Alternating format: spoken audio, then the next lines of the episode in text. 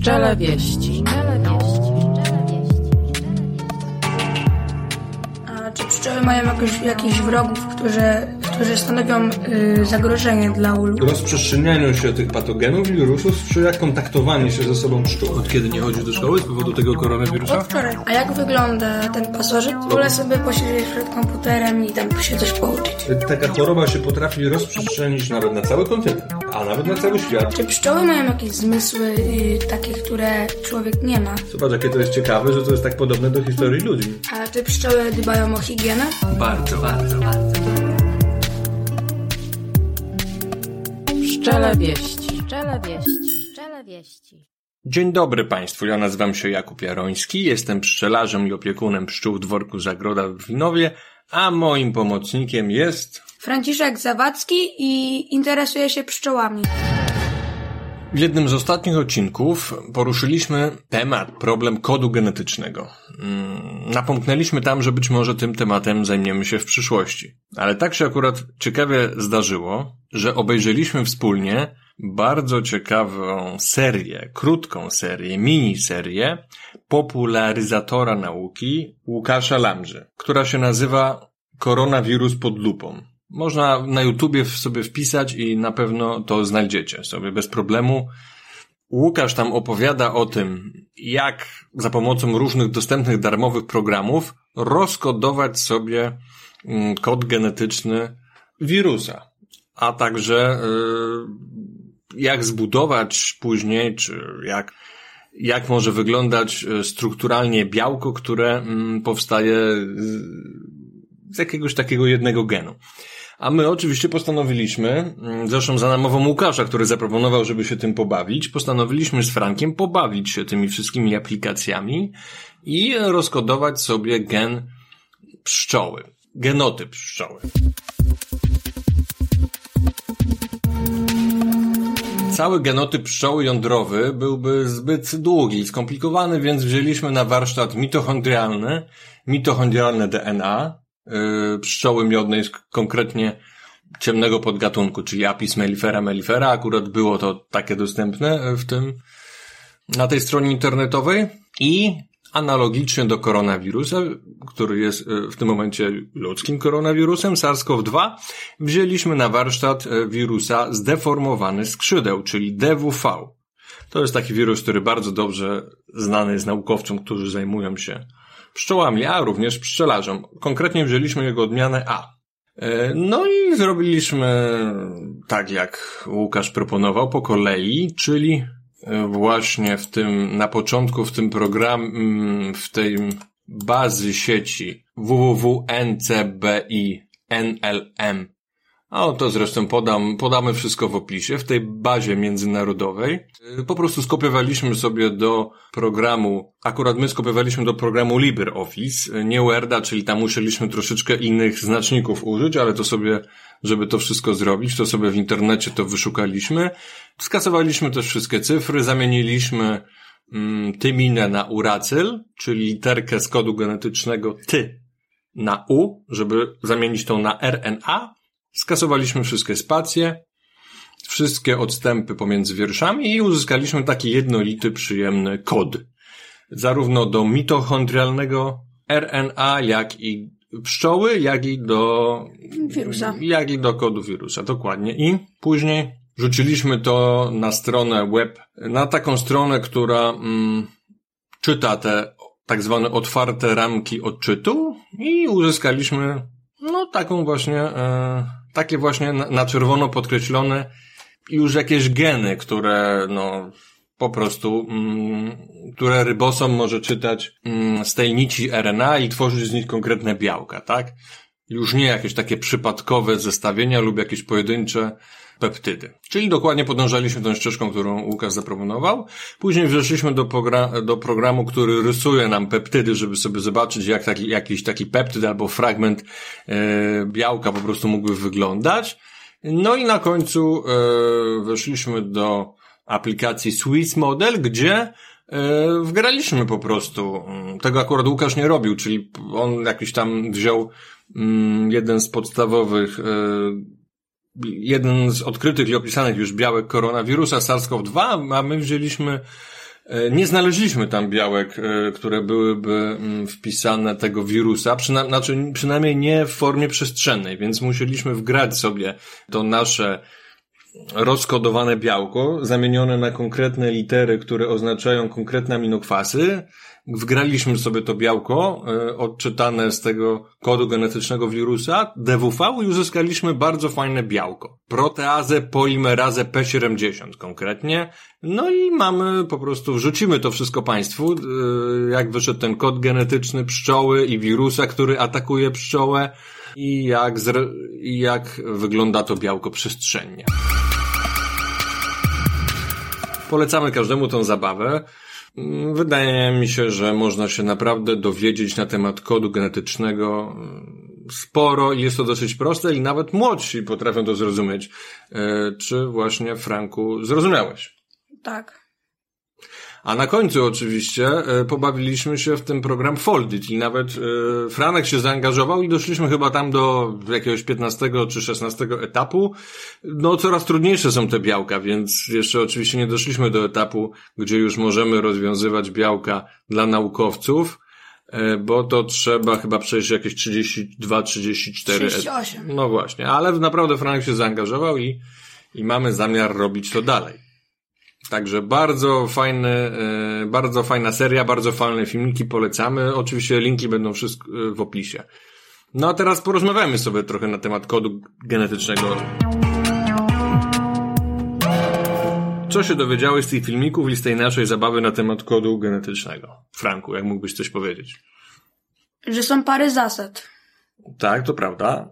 E, Co ci przypomina ten kod genetyczny i w ogóle robienie później białek przez ten kod genetyczny? Że kod to jest pewna informacja, która ma dotrzeć do, do, do drukarki 3D, czyli do, tak jak teraz, rybosomu, który ma przeczytać i stworzyć białko.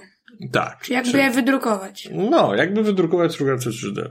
Bardzo fajne porównanie, moim zdaniem. I można by powiedzieć, że w takim razie w takiej drukarce 3D można wydrukować jakiś organizm, bo w sumie tak to się robi, tylko w sposób bardziej skomplikowany, prawda? Dużo bardziej skomplikowany. Czy coś mógłbyś jeszcze ciekawego powiedzieć na temat tego kodu genetycznego? Coś ci przychodzi do głowy? Jakieś pytania? Tak, jestem ciekawy, czy w ogóle można stworzyć pszczołę.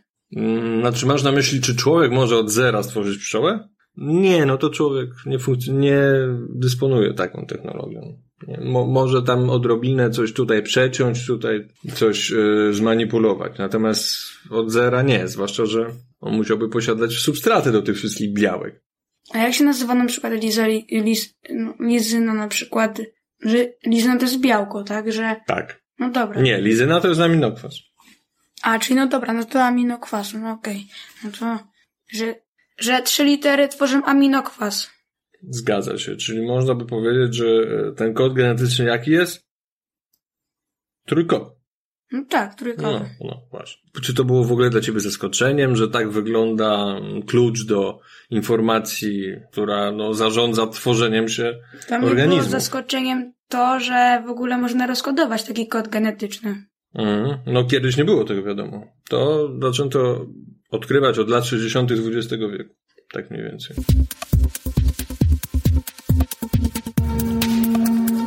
Co jeszcze było fajnego w całej tej zabawie? Zabawne było też yy, gra Foldit. I co, yy, uważasz, że ta gra jest taka mm, dosyć na tyle ciekawa, że normalnie młodzież y, z, z gimnazjum może się nią zainteresować? I ćwiczyć sobie? Moim zdaniem niektórzy, dla niektórych może być to nudne, a dla niektórych może być to yy, fajna zabawa. No, czyli w sumie tak jak zazwyczaj, z, z różnymi zajęciami, z różnymi upodobaniami w tym wieku. Jak i w ogóle zresztą, przecież jednego interesuje to, a drugiego tamto. Powiedz mi jeszcze, wspomniałeś coś, jak oglądaliśmy na temat mitochondrium. Co mógłbyś powiedzieć na temat mitochondrium, gdyż my zajmowaliśmy się e, informacją genetyczną na, mito, mitochondrialną pszczoły miodnej. Mm, Że mitochondrium to jest pewna energia, to jest źródło energii w komórce. Znaczy to jest pewna cząstka, w której produkuje się energię. Tak. Tak, tam się produkuje między innymi energię przy pomocy tlenu. Taki jest tam skomplikowany proces biochemiczny, mm, metaboliczny, który mm, nazywa się cyklem kwasu cytrynowego. Słyszałeś coś takiego? Nie. Nie, on produkuje właśnie energię. jest odpowiedzialne za produkcję energii, to odbywa się w mitochondrium rzeczywiście. Ale y, co ci, czy, czy przyszło ci do głowy, dlaczego mitochondria mają swój oddzielny, mm, swoją oddzielną informację genetyczną, zakodowaną w kodzie genetycznym, y, jakby dodatkową w stosunku do głównego, do głównej informacji genetycznej pszczoły? No tak, to było ciekawe. No ale dlaczego, jak myślisz? No bo Przychodzi ci coś do głowy? Dlaczego jest y, osobne DNA jądrowe, które odpowiada, które odpowiada za większość funkcji w ciele pszczoły i dlaczego jest też mitochondrialne, dodatkowe DNA? To jest kwestia ewolucyjna, wiesz? Dlatego, że według aktualnie ob- obowiązującej teorii naukowej, to i są na, jest na to dużo potwierdzeń. Mm, To są potom, dalecy potomkowie bakterii. Tak, takich pr- prymitywnych bakterii, które e, po prostu mm, w toku ewolucji e, połączyły się z komórkami innego gospodarza i zaczęły dla niego e, produkować po prostu energię, przy okazji same się ograniczając, żyjąc w jakiejś tylko komórce, e, ale dalej się pomnażając z pokolenia na pokolenie. Ale jest taka ciekawostka związana z tym mitochondrialną informacją genetyczną, że ona przechodzi tylko po linii matki, czyli w tym czyli w przypadku pszczół, które są karmione mleczkiem. nie, nie, to nie o to chodzi, że ta informacja jest dziedziczona tylko po matce. Czyli jeżeli diploidalna, zapłodniona robotnica ma tylko informację genetyczną, dziedziczy tylko po królowej, nie po trutniu, nie po samcu. Tak samo i ty. Ty masz w 100% odziedziczoną informację po twojej mamie. Twój tata nie przyłożył się w ogóle do przekazania ci informacji mitochondrialnej, genetycznej.